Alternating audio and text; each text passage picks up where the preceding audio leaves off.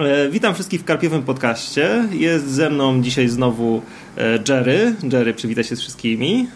Mm, cześć wszystkim, cześć Pawle. E, dzisiaj kontynuujemy naszą recenzję, czy nasze omówienie snów umarłych zeszłorocznych, a więc snów umarłych 2019, w którym omówimy opowiadania od 11 do 20, tak? No, by tak, chyba pasowało. No, drugą, tak, drugą tak. dziesiątkę. Mhm. Drugą, drugą dziesiątkę opowiadań ze zbioru i to w zasadzie będzie chyba druga z trzech, jak tak wychodzi, e, części naszej recenzji. I, no i dobrze, i chyba od razu będziemy przechodzić po prostu do omówienia, nie? Bo tutaj nie ma co robić tak, żadnego wstępu. wstępu. Nie ma, nie ma co robić. Odsyłamy do pierwszego odcinka, jeżeli ktoś trafił na przykład przypadkowo na część drugą, to, to najpierw polecamy zapoznać się z częścią pierwszą, gdzie też trochę o samej antologii i podejściu do niej mówimy, a, a tutaj od razu do meritum. Dokładnie. Okej, okay, więc y, pierwszym tekstem, który chcemy omówić jest Dom pani Romilow, y, Bartłomieja Bula i jest to takie opowiadanie, y, które wykorzystuje, mam wrażenie, bardzo klasyczny schemat, aczkolwiek niekoniecznie klasyczny dla weird fiction, a mianowicie taki horror młodzieżowy, nastoletni, w którym nastolatkowie wiedzą o jakimś mrocznym, niebezpiecznym domu, no i chcą się do niego dostać, albo przynajmniej zbliżyć się do niego, żeby udowodnić e, swoją odwagę. I tutaj właśnie główny bohater w owym opowiadaniu postanawia wkraść się do domu e, jakiejś tajemniczej Rosjanki, pani e, Romilow, aby no, udowodnić po prostu, że, że jest w stanie to zrobić, że się nie boi. I w domu tam szuka sobie czegoś, co, co pozwoli mu udowodnić, że rzeczywiście tam był i wykazać się przed znajomymi. Opowiadanie przechodzi właśnie od takiego bardzo klasycznego no, rozpoczęcia, nie wiem, czy, czy, czy, czy też masz takie wrażenie, że to się kojarzy z takimi troszkę podstarzałymi y, antologiami filmowymi, czy, czy w ogóle starymi jakimiś horrorami takimi no, fi, filmowymi amerykańskimi.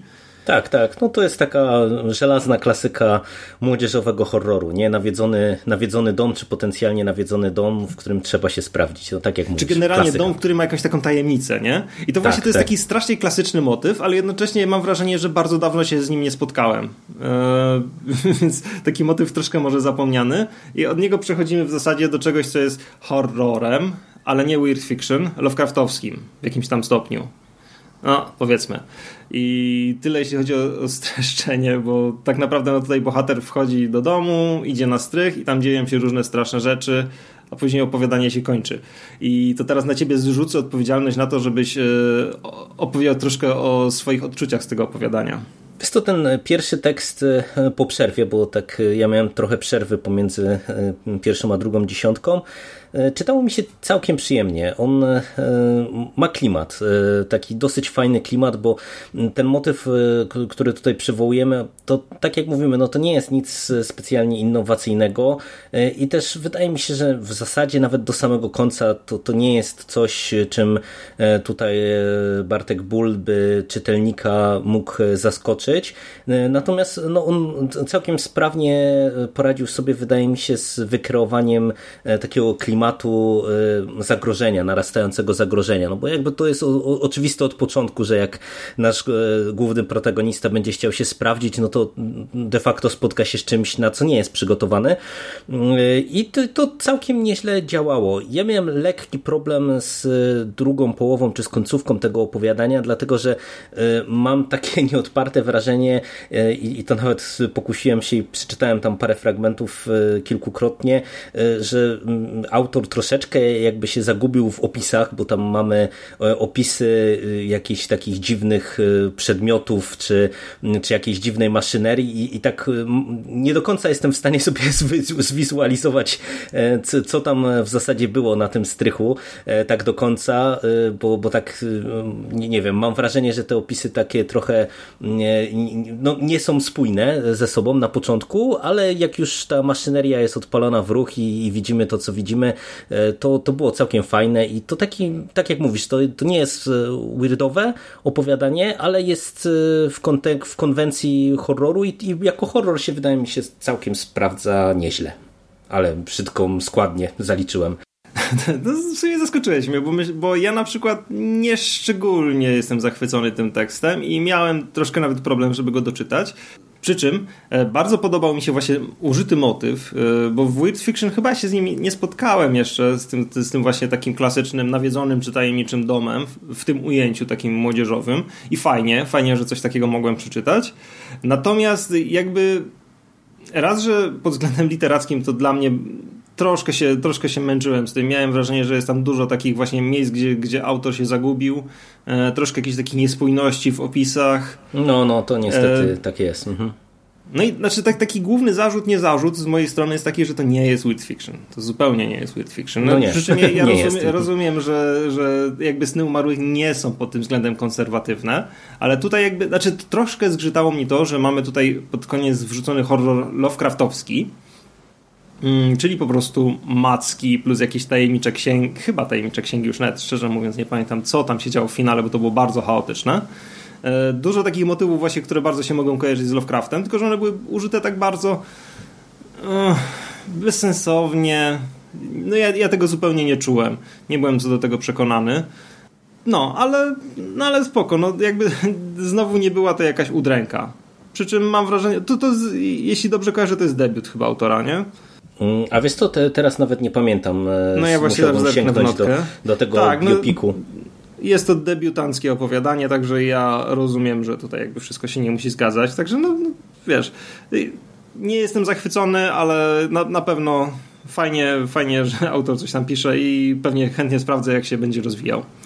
No a propos tego zaskoczenia, to ty mnie trochę w sumie zaskoczyłeś e, tym Lovecraftem, bo ja ci powiem, że ja jakoś nie miałem tutaj poczucia, e, że, że to, ten tekst e, jest Lovecraftowski. On taki bardziej mi się kojarzył właśnie z takim, no dosyć klasycznym w sumie horrorem. Tam trochę mieliśmy jakiegoś body horroru e, w końcówce. No ja wiem, że te, te księgi, tam ten jakiś potwór wielki, coś, to mo, mo, może się tak skojarzyć, ale mimo wszystko wydaje mi się, że to, to jak to tak było napisane, to nie wiem, może też przez język w ogóle tutaj nie, nie, nie czułem, żeby autor e, miał intencję, żeby uderzać w tego rodzaju nuty, nie? Tylko, tylko raczej tak mówię, bardziej klasycznie horrorowo. Mhm. Znaczy tak, bo jeśli, tu, jeśli ja bym tutaj widział jakiegoś Lovecrafta, to bardzo takiego rozwodnionego, e, bardzo pozbawionego e, tej Lovecraftowskości. Nie wiem, czy jest takie słowo. E, takiego takiego lo, ro, Lovecrafta składającego się z takich po prostu rekwizytów gatunku, a mhm. niekoniecznie już jego klimatu. Także no, no nie jest to taki, taki no, no, być, może, być może mylę się, jakby tu, czując tutaj takie intencje autora. Być może, być mhm. może to zupełnie Lovecraftowskie miało nie być. No spoko. Dobra, to co? Dobra. Przechodzimy do drugiego opowiadania, do Anozognozji Łukasza Borowieckiego. E, I tutaj znowu mamy coś, e, co też mam wrażenie do końca e, nie jest takim klasycznym weirdem, chociaż już mocniej korzysta z jego rekwizytów, mianowicie z czegoś, co troszkę może przypominać niby dziurę z książki e, Zero Katie Koji na przykład, a po prostu takiego mm, tutaj nieco utrzymanego w stylistyce body horroru pudełka. Ja, ja bym to tak uznał, jakiegoś pudełka z czymś niesamowitym, z czego nie rozumiemy od początku do końca. E, samo opowiadanie jest może o tyle ciekawe, że tutaj wykorzystany jest motyw, który się bardziej kojarzy z literaturą kryminalną, być może czy z jakimiś thrillerami, mianowicie porwania i bodajże seryjnego mordercy, który, który właśnie tutaj składa mm, temu weirdowemu pudełkowi, czyli tej, tej jakiejś takiej dziwnej czarnej kałuży z jakąś czarną cieczą, e, składa ofiarę. I a to dobra, to ja może teraz zacznę. Znaczy, bo, przepraszam, jeśli to moje podsumowanie jest chaotyczne, ale ja to opowiadanie czytałem chyba trzy tygodnie temu i po prostu szczegóły mogą mi się bardzo rozmywać. E, tak sobie dzisiaj na szybko przejrzałem, żeby w ogóle przypomnieć sobie, o czym ono było. I tak przyznam, że jak z początku, to totalnie miałem, miałem w głowie taką czarną dziurę, jeśli chodzi o ten tekst. To jak tak przejrzałem troszkę, to przypomniało mi się, że ten tekst to dla mnie był taki troszkę średniaczek. Miałem wrażenie, że to nie jest opowiadanie mm, dopracowane, czy dobrze przemyślane przez autora.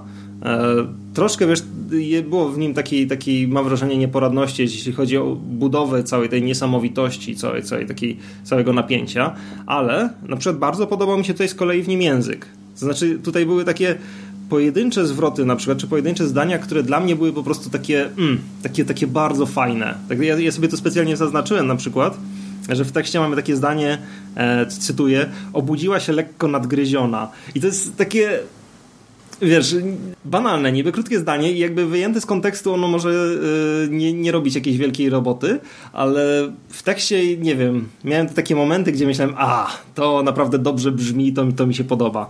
I tutaj nawet sobie tam właśnie parę takich chyba rzeczy pozaznaczałem, no nie będę teraz tego szukał, ale y, z, z mojej perspektywy to jest opowiadanie, które właśnie jest troszkę niedopracowane, czy takie, takie no, no, no nie jest to jakiś taki ideał, ale ma ode mnie taki naprawdę spory plusik yy, no, za, za, za, bardziej za, za, jego fragmenty niż za całość. Ja e, oceniam je dosyć dobrze, natomiast e, mój podstawowy problem, żeby zacząć od e, problemów, a zakończyć bardziej pozytywnie, mm, to jest taki, że właśnie to, to jest tekst, który trochę jest dla mnie w rozkroku pomiędzy jakąś grozą i weirdem i tak mam wrażenie, że nie do końca E, ani straszy, ani w sumie e, suma summarum nie wygenerował u mnie jakiegoś tam napięcia.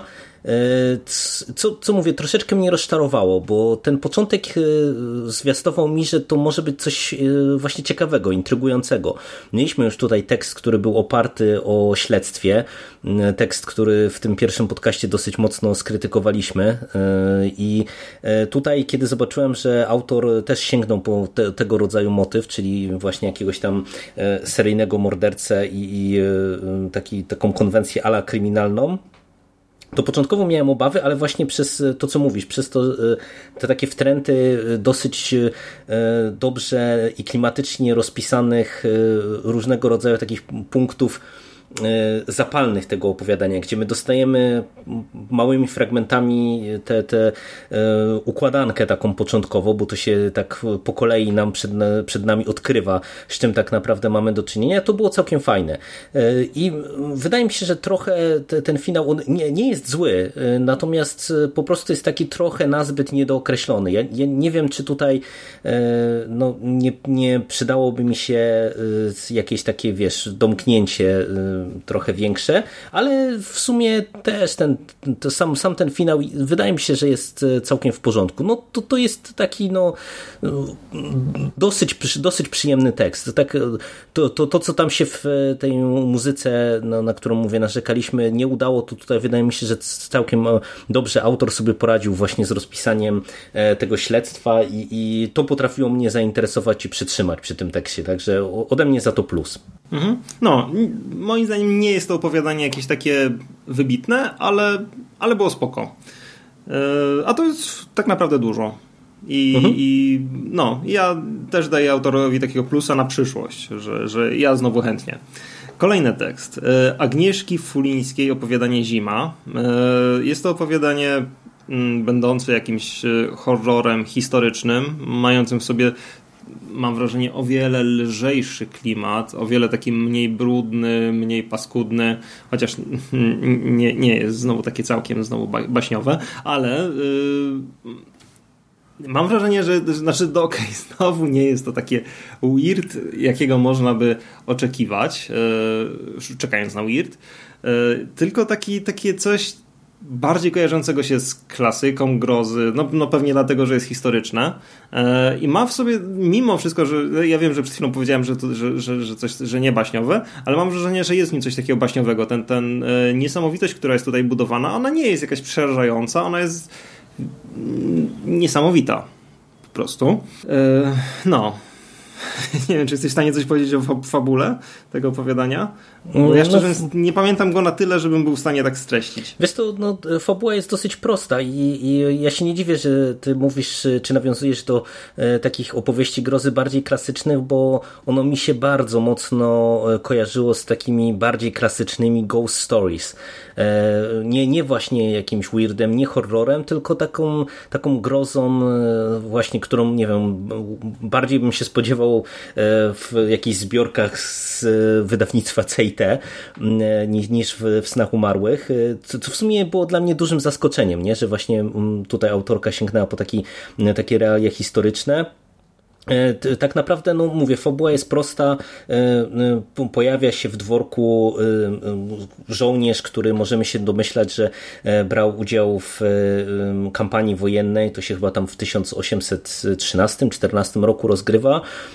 No i tutaj postać kobieca protagonistki od razu widzi, że coś z nim jest nie tak, bo on nie za bardzo jest się w stanie rozgrzać. Nie ma z nim jakiegoś specjalnego kontaktu i y, to trwa dłuższy okres czasu. To nie jest tak, że to jest dzień i tyle.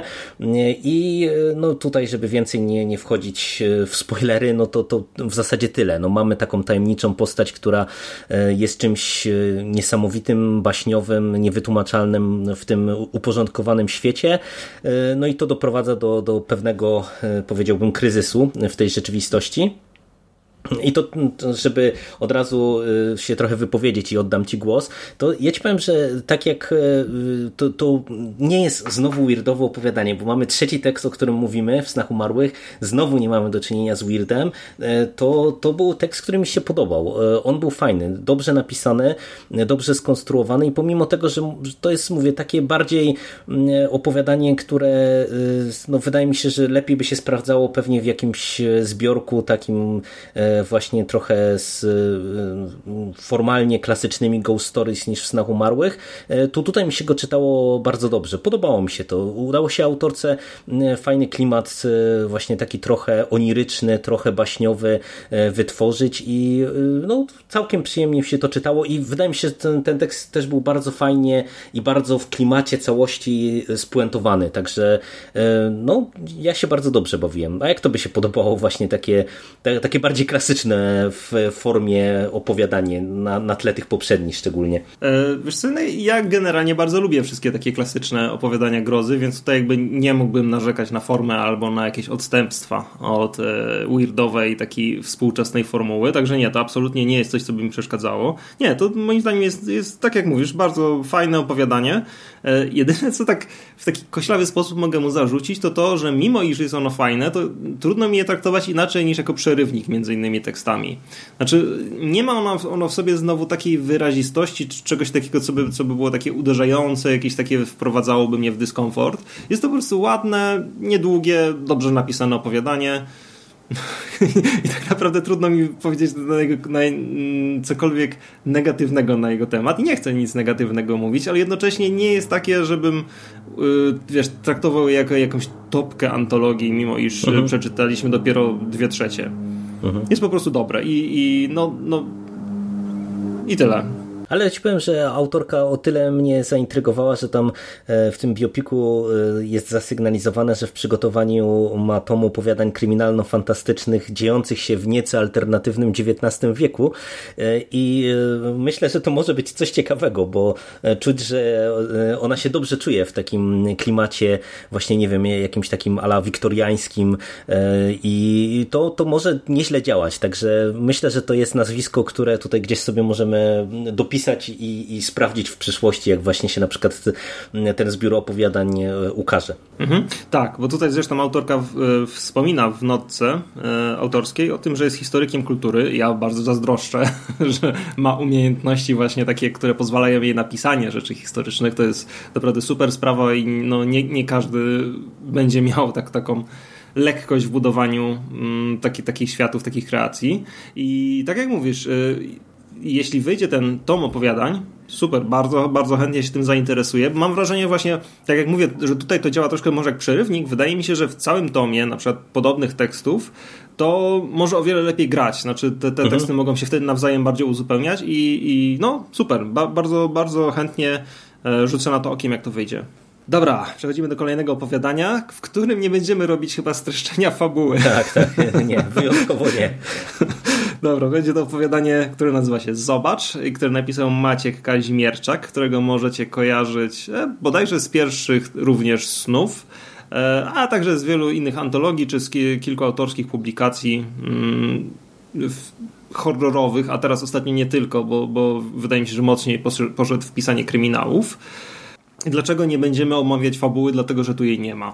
To opowiadanie jest y, bodajże najkrótsze w zbiorku. Mm, tutaj na Kindle mi pokazuje, że czas czytania dwie minuty, ja czytam dosyć wolno. Także no to jest, to jest taka raczej miniatura kilkustronicowa, mm, która zawiera ciąg surrealistycznych, jakichś takich ładnie uzupełniających się scen. E, no, niesamowitych, makabrycznych, już sam nie pamiętam różnych scen, które, które jeść, znaczy ja przyznaję, że, że jak teraz robiłem sobie taką powtórkę, czy odświeżenie tych tekstów, które czytałem na początku, bo ja, ja nie, nie, nie czytałem całych snów e, od początku do końca, tylko najpierw sobie tak wygrzebywałem pojedyncze teksty i ten był jeden z pierwszych, które przeczytałem. Absolutnie nic nie pamiętam z tego, co się w nim działo. i nie chciało mi się teraz tego odświeżać, bo tu i tak nie ma fabuły, no to bym musiał przeczytać całość, ale tych dwóch minut teraz nie, nie znalazłem. ale ja na przykład mam tutaj tak, że z jednej strony właśnie bardzo podobało mi się to, znaczy w ogóle podoba mi się to, jak e, Maciek pisze, jak on posługuje się językiem, jak potrafi budować sceny, natomiast nie ma w tym opowiadaniu czegoś, co by, co by je jakoś właśnie puentowało, co by, co by sprawiało, że, żeby mnie po prostu zapamiętał. To jest tak, taki ładny ciąg obrazów, z którego, którego nic nie wynika. Mm, wiesz to z tym podsumowaniem to trochę bym się kłócił, bo wydaje mi się, że tutaj intencja e, Maćka Kaźmierczaka i taka była dosyć czytelna, czyli żeby trochę e, czytelnika mm, postawić e, mm, w czy zestawić z bezkresem istnienia, czy z jakimś takim e, bezsensem i, i e, e, takim bezkresem istnienia, że się tak wyrażę. To taki tekst, który, tak jak wspomniałeś, on nie ma fabuły, ale on w klimacie właśnie mi się kojarzył trochę z Ligottim, trochę właśnie z tym takim horrorem kosmicznym Lovecrafta, ale nie właśnie w tym kontekście potworów i, i tego wszystkiego, tylko w zestawieniu kruchości ludzkiego życia życia i czasem bez sensu ludzkiego życia z mm, bezkresem tego istnienia i, i, i tego wszystkiego. Ja y, trochę się zdziwiłem, że ten tekst jest tak krótki, bo ja pamiętam, że e, o, Kaźmierczaku się dosyć dużo w kontekście tych pierwszych snów umarłych mówiło, bo ja nawet nie, nie jeżeli dobrze kojarzę, to chyba ten jego tekst e, był nominowany do Zajdla, e, czy, czy został zgłoszony wtedy do, do Zajdla i on tam mocno podzielił czytelników z, z tego, co kojarzę. Trochę nie wiedziałem, czego się tutaj spodziewać i no, to, to jest w porządku tekst, ale to tak jak mówisz, no, to jest taka, taka miniaturka, nie? To, to, to jest właśnie dla mnie taki przerywnik pomiędzy opowiadaniami, nie? No, trochę to było dla mnie za krótkie, żeby ta y, intencja autora mi wybrzmiała, o tak bym powiedział, nie? To jest po prostu, wiesz, gdyby to było dłuższe opowiadanie, to, to ta puenta i wydaje mi się, że to, co y, tutaj sobie autor założył, wydaje mi się, że mogłoby u mnie bardziej zadziałać, na dłużej zostać, a przez to, że ten tekst jest taki króciutki, no to wiesz, to po prostu zaczynamy czytać i, i, on się już kończy i tak przechodzimy do kolejnego i po prostu no tak trochę ginie ten tekst, mam wrażenie, w całości antologii po prostu. Pomimo tego, że no teoretycznie ten jego wydźwięk no jest taki no mocny, nie? Mocny, wyrazisty, pesymistyczny na swój sposób, także no taki teoretycznie powinno to działać, nie? Mhm. Tak, ale właśnie o to mi chodzi, wiesz, że jasne, tutaj jest jakaś e, puenta autora, tylko że ona dla mnie w ogóle nie wybrzmiała. Ona sobie tam po prostu jest, e, ale nie, nie, nie zadziałało to na mnie jako całość. Wiesz, no bo podoba, wydaje mi się, że to jest naprawdę za krótkie po prostu, nie? Ja nawet właściwie wiesz, uważam, że niekoniecznie, że jakby długość jest odpowiednia, tylko że no nie wiem. Mm, znaczy, nie wiem, może jakby było dłuższe, to rzeczywiście by zagrało, ale mam wrażenie, że autor tutaj nie miał jakiejś takiej, wiesz, że to nie jest taka puenta, czy to podsumowanie to nie jest coś takiego, co, co by tak, nie wiem, mocno wychodziło. Jezu, ja nie wiem, jak to określić, że, że było takie bardzo szczere. O. Mhm. Bardziej jest po prostu, bardziej mam wrażenie, że to jest opowiadanie, które zostało napisane w konwencji, niż, niż które mm, zostało napisane z potrzeby. O, może, może tak to jakoś dziwnie podsumuję. No, w sumie może, może, i, może i tak, może to jest jakoś tam słuszny, słuszny trop, nie? bo to no, czasem e, to nie jest nic złego, że autor kalkuluje, żeby osiągnąć jakiś określony efekt. Może tak jest trochę, że tutaj e, to tak na chłodno skonstruowane opowiadanie i może dlatego też to tak nie zarezonowało. No, znaczy ja, ja mam takie odczucie, bo ja sam, sam czasem jakieś tam weirdy piszę i zawsze mam właśnie takie wrażenie, że jeśli bym coś próbował kalkulować, to zupełnie by mi tak by nie wyszło, że ja często bardziej czuję, że muszę coś napisać niż, znaczy, że, że jakiś, wiesz, ciąg scen niż że mam jakąś tam, nie wiem, wielkie przesłanie do przekazania, bo zazwyczaj go po prostu nie mam. Ale to, dobra, to, to niepotrzebna dygresja. Możemy przejść do kolejnego opowiadania. E, opowiadanie Jurodiwy Mariusza Wojteczka. Jest to tekst, o którym mm, będziemy na pewno e, troszkę gdybać i będziemy mieli troszkę mieszane opinie. Tego, że mhm. jest, to, jest to, nie wiem czy nie najdłuższe opowiadanie w zbiorze, mm, na pewno jedno z dłuższych. Jest za długie. e, to prawda. I zacznę, zacznę może od e, takiego krótkiego bardzo streszczenia fabuły. Znaczy, moje streszczenie fabuły polega na tym, że mm, jest to opowiadanie też parakryminalne, czy, czy, czy czerpiące ze stylistyki kryminału i jednocześnie łączące ów kryminał z bardzo, moim zdaniem, już tutaj ładnie e, stworzonym, weirdowym wątkiem. Czyli zaczyna się od tego, że mamy tutaj panów, którzy remontują kościół mm, i jeden z nich nagle z jakiegoś powodu zawisa w powietrzu taki ni to martwy, ni to żywy, nieruchomy. I po prostu wisi w powietrzu w kościele, tak jakby, nie wiem, stał się jakiś cud, ale jednocześnie ten cud jest taki bardzo makabryczny i nieprzyjemny. No, przyjeżdża oczywiście tam jakaś policja, aha, i całe opowiadanie dzieje się y, za komuny. Więc nie policja, a milicja przyjeżdża, tak? Jeśli, jeśli, jeśli dobrze teraz y, tak, pamiętam. Tak, tak. Mhm. No i jest prowadzone śledztwo w sprawie tego dziwnego cudu, który stał się w kościele, który ów cud i owo śledztwo prowadzą do moim zdaniem bardzo mocnego, bardzo udanego finału. Cały problem, jaki ja mam z tym tekstem, to jest środek, który jest po prostu za długi. Gdzie tam główny bohater, który, który prowadzi to śledztwo, gdzieś tam wędruje po okolicy, poznaje ludzi, popada w szaleństwo, jak to w Weirdzie. I to było nudne to było potwornie nudne moim zdaniem i właśnie i ja tutaj tak ben, mógłbym naprawdę mówić, jakie to było cholernie nudne, a mówię to dlatego, że e, nie dlatego, że chcę autorowi zrobić przykrość, tylko dlatego, że początek i koniec były moim zdaniem znakomite. Także ja mam bardzo mieszaną opinię co do tego opowiadania, e, dlatego że uważam, że ono miało niesamowity potencjał i jako całość, mimo tego, że większość większość po prostu opowiadania mi się nie podobała, to uważam, że było bardzo fajne. Jak ty uważasz? No, e, tak jak powiedziałaś, no ja też mam bardzo mieszane uczucia.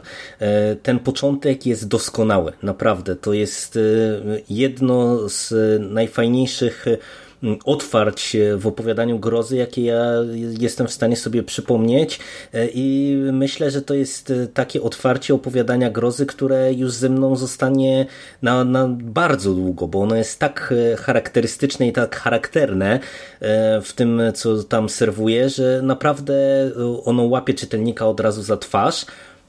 I ja ci powiem, że ja mam trochę nawet inny problem niż ty. To, to w tym sensie, że ja się zgadzam, że to rozwiązanie jest w porządku. Natomiast ja w trakcie lektury e, stopniowo e, coraz bardziej jakby byłem taki wybity i tak się czułem, jakbym wiesz, siedział na przysłowiowym ziarnku grochu i coś mi nie dawało spokoju i coś mi zgrzytało i się zastanawiałem, o co tu chodzi, nie? I sobie próbowałem uzmysłowić, mm, co to jest za uczucie, tym bardziej, że to nie jest pierwszy tekst Mariusza, który ja czytałem e, i pamiętam, że ten poprzedni e, był w sumie dosyć podobny. Też e, akcja rozgrywała się gdzieś tam w czasach PRL-u czy, czy post-PRL-u i też miałem właśnie takie podobne odczucia, że, że pomysł jest fajny, ale coś mi nie gra. I w którymś momencie ja sobie uzmysłowiłem, dlaczego tak to opowiadanie mnie zaczęło męczyć i to jest kwestia języka.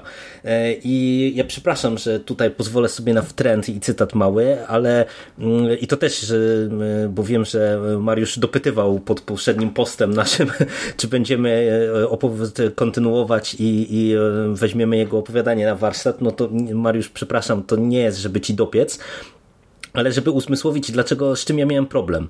E, fragment. Cygan klepie się star starczymi dłońmi o nabrzmiałych żyłach po cienkich, patykowatych udach okrytych brudno-brązowym materiałem spodni śmieje się bezdźwięcznie. Zobaczcie, ile tu jest w tym jednym zdaniu przymiotników. I ten tekst jest cały taki. I wiesz, i to, że ten środek jest długi, i to, że on jest taki klasyczny, w sensie, że ten nasz główny bohater tak po weirdowemu po prostu stacza się w szaleństwo, e, ja bym to wszystko kupił, bo to by mogło zadziałać dobrze w kontekście tego finału, ale dla mnie językowo to opowiadanie jest e, w tej środkowej części no po prostu straszliwie męczące, bo tutaj autor stosuje taką po prostu jakąś, taki wysyp przymiotników do, do każdej jednej rzeczy, że to jest kosmos. Ja po prostu z, tym, z czymś takim to się chyba nigdy w życiu nie spotkałem, żeby po prostu każdą, jed, każda jedna rzecz, nieważne czy to są drzwi, okno, e, nowa postać, e, e, scena, jakaś tam stół w knajpie, żeby każda z tych rzeczy była tak bardzo dogłębnie opisana. To jest niepotrzebne. To, to zaczyna po prostu męczyć, bo wiesz, wchodzimy do, z bohaterem do knajpy, jest opisany w ten sposób barman, bar y, i, i postaci w, w barze, nie? I to powoduje, że ja zamiast poczuć i zanurzyć się w ten gęsty klimat, to się zaczynam męczyć z, z językiem, nie? No, y, nie grało mi to straszliwie y, i pod tym kątem to właśnie jest takie strasznie dziwne opowiadanie, bo mówię, językowo wymęczyłem się przeokrutnie, ale zgadzam się, że ten finał też jest dobry.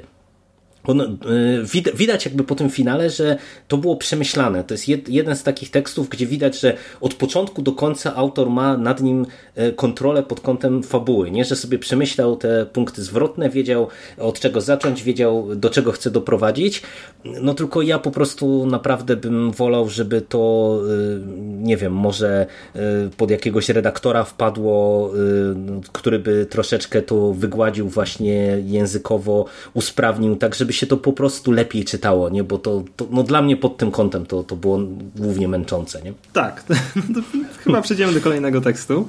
No bo ja się, ja się z tobą zgadzam w tej kwestii. Mm, no, dobra, bo to miałem przejść, a jeszcze chciałem dopowiedzieć, że, że rzeczywiście tu jest, ja, ja miałem takie odczucie, że jest początek i jest pomysł na koniec i po prostu trzeba było czymś wypełnić środek i ten środek nie mógł być za krótki, bo wtedy nie zadziałałby początek z końcem.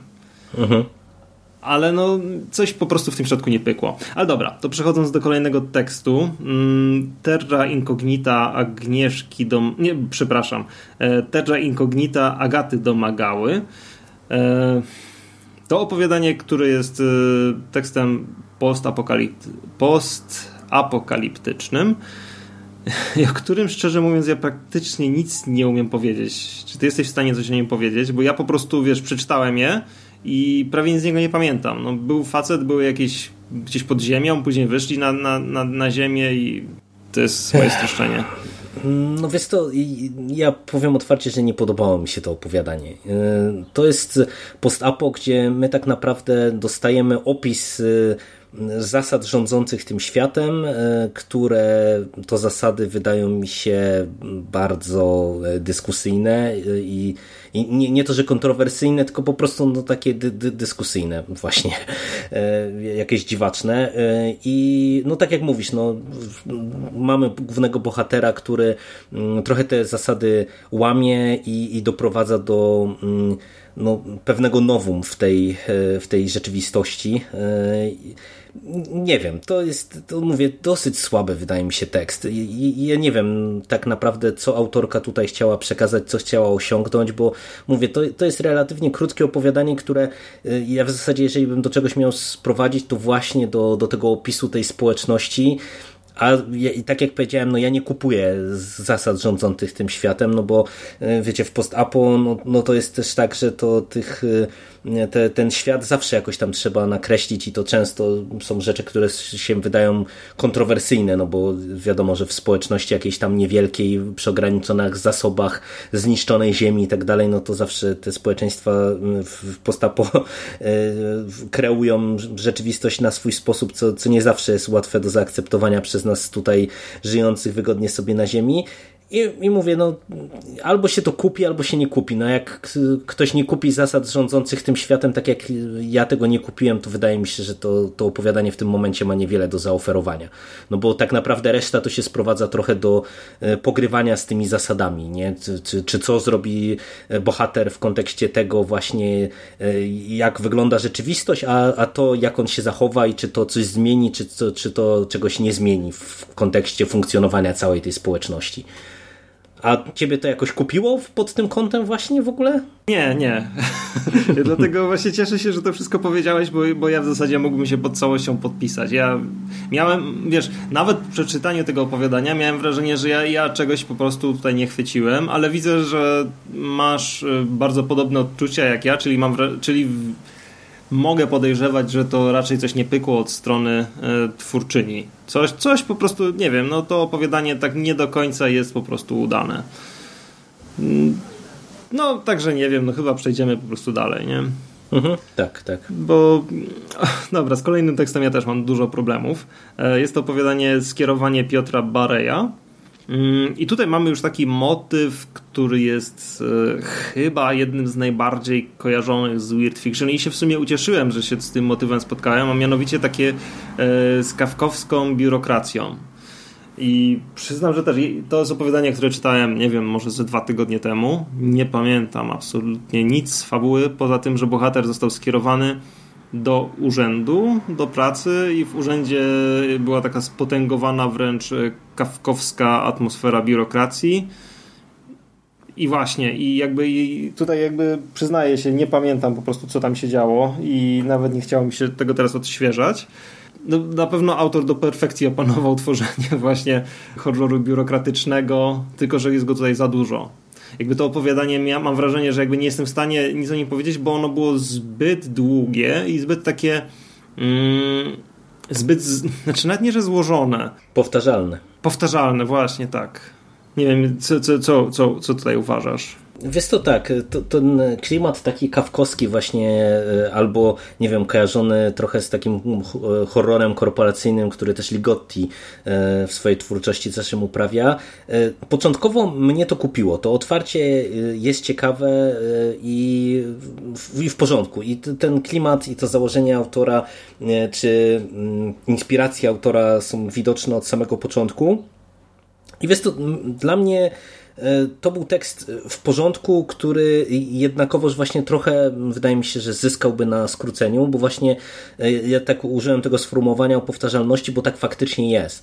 Ja nie wiem, czy to było intencją autora, bo być może tak było, żeby trochę mm, czytelnika zmęczyć, tak jak e, nasz główny bohater w którymś momencie jest po prostu zmęczony i znużony tym odsyłaniem go od drzwi do drzwi, ale, ale to troszeczkę wydaje mi się można by było wygładzić i skrócić i E, dla mnie problemem przy tym tekście jest to, że mm, mam wrażenie, że ten finał jest taki troszeczkę niespójny z resztą tego tekstu, mam wrażenie.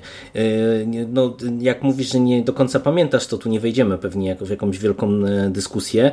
E, natomiast mm, to, to też jest tak, że oprócz tego, czy nie możemy sprowadzić tego tak tylko i wyłącznie do, do tego horroru korporacyjnego, no bo tu w którymś momencie to poznajemy trochę zasad, zasad rządzących tym światem, czy tym budynkiem, tą korporacją i mm, po prostu wydaje mi się, że, że nie wiem, jeżeli ja tutaj to wszystko dobrze sobie w głowie poukładałem, to tak mówię, samo rozwiązanie wydaje mi się zdeczka y, niespójne czy nie wynikające, nie rezonujące jakoś z tymi zasadami, które wcześniej e, poznaliśmy. I pod tym kątem sam ten finał taki po prostu wydał mi się no taki okej. Okay. Nie, nie, nie było to jakoś e, e, nie oceniam go jakoś negatywnie, ale też nie zrobił jakoś na mnie wrażenia. No a sam tekst to mówię, no jeżeli ktoś lubi tego rodzaju opowiadania, no to, to, to jest w porządku, ale no to, to też nie jest nic, wydaje mi się, czy, czego byśmy już nie widzieli, no bo to i ci wymienieni wcześniej autorzy i Wojtek Gunia przecież też tego rodzaju teksty mm, właśnie gdzieś tam korporacyjne, że się tak wyrażę, popełniał, więc, więc no to, to mówię, to jest motyw już dosyć dobrze znany i przerobiony, nie? Tak, wiesz co, ja mam tutaj takie właśnie wrażenie, że czasem twórcy jakichś takich opowiadań weirdowych, czy, znaczy to się to dotyczy w zasadzie każdego mm, elementu popkultury, zapominają o tym, że czytelnicy zazwyczaj już mają jakiś podkład. Że czytali właśnie czy to tego Ligotiego, czy Kawkę i niepotrzebnie serwują czytelnikowi w tekście rzeczy, które on już jakby z kontekstu sobie sam dopowie. Mhm. I mam wrażenie, że tutaj właśnie zabrakło takiego skalpela, który by oddzielił właśnie te elementy, które my już, my już mamy w głowie. Jak, jak człowiek przeczytał sobie właśnie jakiś proces, no właśnie jak, jakieś e, opowiadania powiedzmy z teatru grotesko, czy w ogóle jakieś takie, czy, czy, czy, czy w ogóle jest troszkę obcykane z e, groteskami jakimiś literackimi, to on to będzie wiedział. To jakby wystarczy mu czasem zarzucić tylko jakieś słowo, jakieś, jakieś e, jedno zdanie zamiast akapitu, albo jeden akapit zamiast strony, on będzie wiedział o co chodzi i jakby nie trzeba mu y, wszystkiego do końca tłumaczyć. I no, jakby moim zdaniem to jest coś, o czym jakby pisząc w 2000 20, 19 i tak dalej roku opowiadania, warto po prostu mieć to w pamięci. Że, że zaufanie po do czytelnika wiemy. po prostu. Tak, takie zaufanie do czytelnika. No, szczególnie, że to są sny umarłych. Nie? To jest antologia, do której w większości siądą ludzie, którzy gdzieś tam już coś na ten temat wiedzą, coś tam przeczytali, a nawet jak nie przeczytają, no to pewnie byli kiedyś w ZUS-ie albo w Urzędzie Skarbowym. To też wie, wiedzą, jak to działa. Tak, tak, tak. Okay. Korporacja ponad e... wszystko. No. E, to teraz przejdziemy sobie do znaleziska z Blackwood e, Artura Grzelaka. I to jest opowiadanie znowuż historyczne, e, dziejące się mm, w Stanach, jeśli dobrze pamiętam. Tak, w Stanach. I ono korzysta też z kilku takich dosyć klasycznych motywów. No, choćby tego, że tutaj głównym bohaterem jest pisarz, który wyjeżdża do jakiejś tajemniczej, małej miejscowości, gdzieś takiego tak zwanego zadupia żeby odpocząć i, i nabrać inspiracji e, pisarskich, a w owym miejscu zaczynają dziać się jakieś dziwne rzeczy w trakcie jego wędrówek, które ostatecznie prowadzą do horroru, czy do jakiejś niesamowitości, którą mamy w finale. E, I mam wrażenie, że to opowiadanie bardziej przypomina znowu, mm, znaczy znowu scenariusz gry niż opowiadanie. Znaczy, nie umiem jakby wytłumaczyć do końca z czego wynika to moje um, uczucie czy moje wrażenie, ale dosłownie czytając to tak to czułem, że jakbym troszkę grał w taką, wiesz, taką grę typu point and click, w której rozwiązuje jakąś, jakąś tajemnicę. Mhm. I no, no, było to w porządku opowiadanie, ale właśnie przez, te, przez właśnie ten taki, taką budowę e, też może było to za dużo tak, takich, wiesz, takich, takich rzeczy, które są troszkę klasyczne, ale w taki, takie, takie ograne. E, wiesz co, to mi się wydaje, że co prawda ja takich odczuć nie miałem, natomiast e, to uczucie u ciebie może być wywołane tym, e, z czym mi się ten tekst kojarzył, bo to jest opowiadanie po prostu takie najbardziej klasycznie Lovecraftowskie, z różnego rodzaju patentami takimi, które u Lovecrafta funkcjonują, czyli właśnie gdzieś tam pisarz, znowu też e, lekko popadający w obłęd, nie wiadomo czy, czy ze względu na otoczenie, czy ze względu na to, czym się, czy z jakimiś jakimi używkami mm, się tutaj e, zaopatruje. E, u mnie jeszcze to, to wrażenie potęgowa, spotęgowane było tym, że ja jestem na świeżo po Providence Mura. I wiesz, kiedy ja widzę E, pisarza, e, kobieciarza, e, człowieka, który właśnie funkcjonuje w oparciu o jakieś tam używki, a do tego właśnie chce popełnić jakąś tam przysłowiową, wielką amerykańską powieść i trafia na jakieś dziwne rzeczy w dziwnej miejscowości, to ja po prostu widzę Providence, nie? I to, to po prostu z tego punktu widzenia to strasznie takie no, no, bardzo klasycznie poprowadzone wydawało mi się to opowiadanie. I to jest w porządku tekst. Ja absolutnie nie, nie, jestem w stanie się do niczego przyczepić, bo e, czytało mi się je dobrze, językowo w porządku, e, tylko e, no po prostu wydaje mi się, że to jest no w gruncie rzeczy dosyć mało zaskakujący tekst. No jeżeli gdzieś tam trochę w tym horrorze siedzimy, no to to jest opowiadanie jakich wiele, natomiast całkiem przyjemna lektura po prostu w tym tomie. Tak, właśnie, ale dobrze, że wspomniałeś tutaj właśnie o, o tym komiksie, bo to też e, i, o tym Lovecraftie, bo to rzeczywiście to, to moje skojarzenie może wynikać w dużej mierze z tego, że jakiś czas temu grałem w jakieś gry planszowe, takie Lovecraftowskie. O, to prostu, no to widzisz, to, to no, masz. I to, to tak, to z tego wynika to skojarzenie. No i właśnie, no to jest taki tekst, który jest w porządku.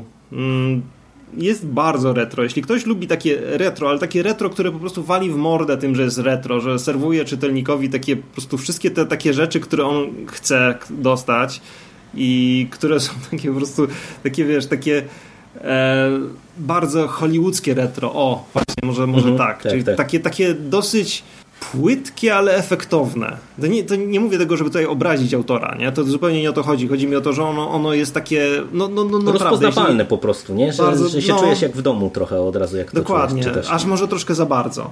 No to, ale, ale spoko. Wydaje mi się, że to y, jest taki tekst, gdzie ja bym y, życzył sobie może na przyszłość, żeby autor nie bał się podjąć ryzyka, bo y, tutaj widać, że on ma potencjał. Tu był pomysł, to jest wykonanie jak najbardziej w porządku i właśnie może gdyby tak trochę przełamać ten, to, to, to retro, bo ja, ja trochę się czułem na początku taki jakbym czytał te, tego Edwarda Lee, pamiętasz, którego omawialiśmy, tego Lovecraftowskiego, ale lepiej napisanego, gdzie pomimo pomimo tego, że tutaj to jest e, taki, wiesz, taki bardziej klasyczny horror, tu, tutaj nie ma w zasadzie gore, nie ma e, jakichś e, okropieństw tego rodzaju, jak tam Lee serwował, ale gdzieś miałem taki klimat, taki, taki klimat niepokoju, co było w porządku. Tylko właśnie no, trochę zabrakło mi takiego przełamania i, i, i to, że się tak autor tej klasyki trzymał do samego finału, to mówię, to, to na przyszłość może o, trochę by się przydało czegoś, co, co, coś tam trochę podkręcić, coś pokombinować kombinować z tym finałem, ale w porządku opowiadanie. Mhm. Dokładnie. I przechodzimy do takiego chyba jednego z, nie wiem, najbardziej oczekiwanych opowiadań, na, na pewno z takich mocniejszych z założenia autorów w zbiorze, a więc do Jakuba Bielawskiego, e, który napisał tutaj tekst Ziemia mówi.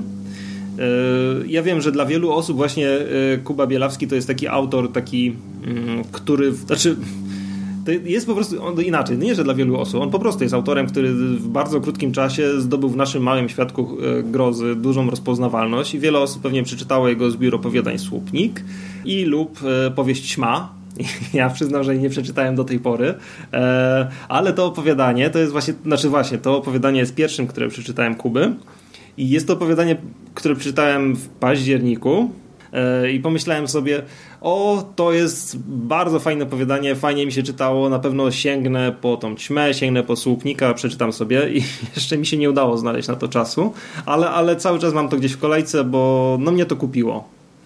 E, opowiadanie dotyczy remontu starego wiejskiego domu. No jakby pod względem fabularnym tutaj szczerze mówiąc niewiele więcej się dzieje. Jest e, remont, a później jest horror. E, to, mhm. co jest jakby znaczy właśnie, bo to opowiadanie ono nie polega na tym, żeby miało fabułę, nie? Tutaj chodzi bardziej znowu o język, który jest użyty. No i znaczy, oczywiście to nie jest tak, że tu się nic nie dzieje, ale jakby tutaj nie ma co streszczać tak do końca. E, jest dom, w którym znaleziona zostaje jakaś tajemnica przypadkiem i która sobie tak, z której wypływa jakiś horror, który eskaluje do dużej, mm, dużego rozmiaru i później jest boom. E, I właśnie to, co, czym mnie to opowiadanie urzekło, to jest język, e, który jest raz, że po prostu dobry, tak, tak e, na zasadzie, że czyta się to opowiadanie bardzo lekko, e, bardzo łatwo, a no nie każde opowiadanie z tego zbioru się tak czyta. Znaczy inaczej, mam wrażenie, że często łączy się Weir z tym, że on musi być napisany w skomplikowany sposób, nie? że jak Ligotti tworzy bardzo trudne, złożone zdania i jakieś takie cudaczne konstrukcje językowe, to, że tak się powinno pisać Weird. A tutaj jest jakby tak y, zupełnie inaczej. Tutaj opowiadanie jest napisane z pewną dozą takiego humoru, czy jakiejś takiej e, lekkości, mm, po, bardzo potoczyście. Jeśli miałbym je przyrównać do czegoś, co, co twórcy horroru, znaczy co, co czytelnicy horroru mogą lubić, to najbliżej tutaj miałbym do Birsa. Czyli jest tutaj e, taki humor, ale taki dosyć, znaczy mimo tej lekkości taki sarkastyczny, troszkę ponury, ale jednak taki wciągający. No, to przekazuję Ci teraz możliwość. E, wiesz to, ja e, osobiście trochę mam problem z tym tekstem, e, bo z jednej strony to wszystko, co ty powiedziałeś, to ja się z tym zgadzam. To jest opowiadanie bardzo dobrze napisane językowo i przede wszystkim nawet na tle chociażby tego, co mówiliśmy wcześniej przy okazji opowiadania Mariusza Wojteczka, to tutaj ten język wydaje się aż prosty, można powiedzieć, czy taki właśnie uproszczony, potoczysty, taki bardzo e, jakiś bezpośredni, ale z drugiej strony ja mam wrażenie, że on jest taki jakiś bogaty w znaczenie, czy, czy w kontekst.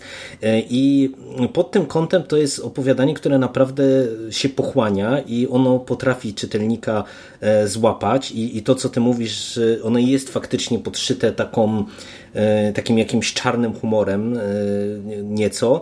Natomiast mój problem z tym tekstem wynika z tego, że mm, ja nie do końca kupuję to opowiadanie od tej strony fabularnej. W tym sensie, że mm, i to będzie trochę głupie, pewnie na tle tych, tych innych tekstów, nawet i, i, samego zbioru. E, ja bym chyba wolał, żebyśmy tutaj nie dostali tego horroru, niż że dostaliśmy to, co dostaliśmy. E, po prostu, wiesz, ja przy okazji e, lektury Ćmy, mm, tam chwaliłem właśnie to, że udało się e, Bielawskiemu połączyć właśnie tą warstwę obyczajową z horrorem i z takim wyjątkowo gęstym klimatem. Tu mam wrażenie, że trochę te, też jakby idea była podobna, czyli właśnie, żeby wiesz, zestawić ten wątek jakoś tam obyczajowy, czy taki wątek zwyczajny z jakimś tam horrorem, tylko nie wiem, czy to jest kwestia objętości, czy, czy sama kwestia tego pomysłu, który, sam pomysł wydaje mi się dosyć taki no absurdalny to może nie jest y, najlepsze słowo, ale taki no nie wiem, przesadzony po prostu. Jakoś, no, nie kupuję kompletnie tego, tego pomysłu na, na ten horror, nie? I to I, I to mnie bardzo mocno wybiło w finale, nie? Bo, bo mówię, językowo to się czyta dobrze.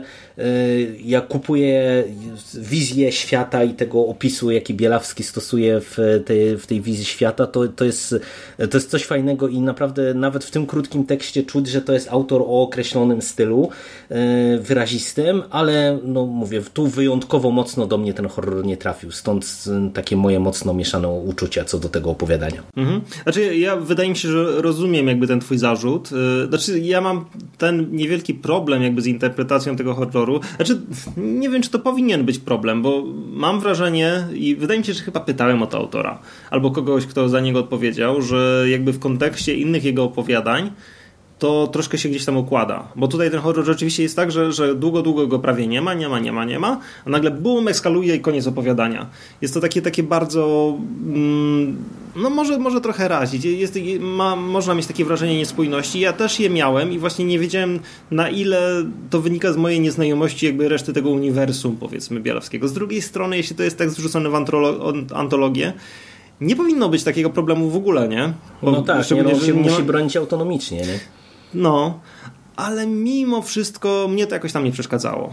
Jakby nadal y, mam pozytywne wrażenia, kupiłem to i jestem zadowolony. Czyli fajnie, fajnie, ale coś, coś tam można sobie pomarzyć. Tak, tak ale, z, ale z uwagami, jasne. Dobra, i kolejne takie opowiadanie, które mam wrażenie już od początku miało ba bardzo dobrą prasę. Opowiadanie Akustemologia Anny Marii Wybraniec, która zresztą teraz, bo teraz niedługo wychodzi nowy tom Snów Umarłych i jednocześnie, w którym nie ma opowiadania Anny, za to wyjdzie jej solowy tomik opowiadań e, również Phantom Books. Jakby w tym samym czasie możecie, jeśli kupicie sobie sny, to sobie możecie od razu kupić właśnie Tomik Wybraniec.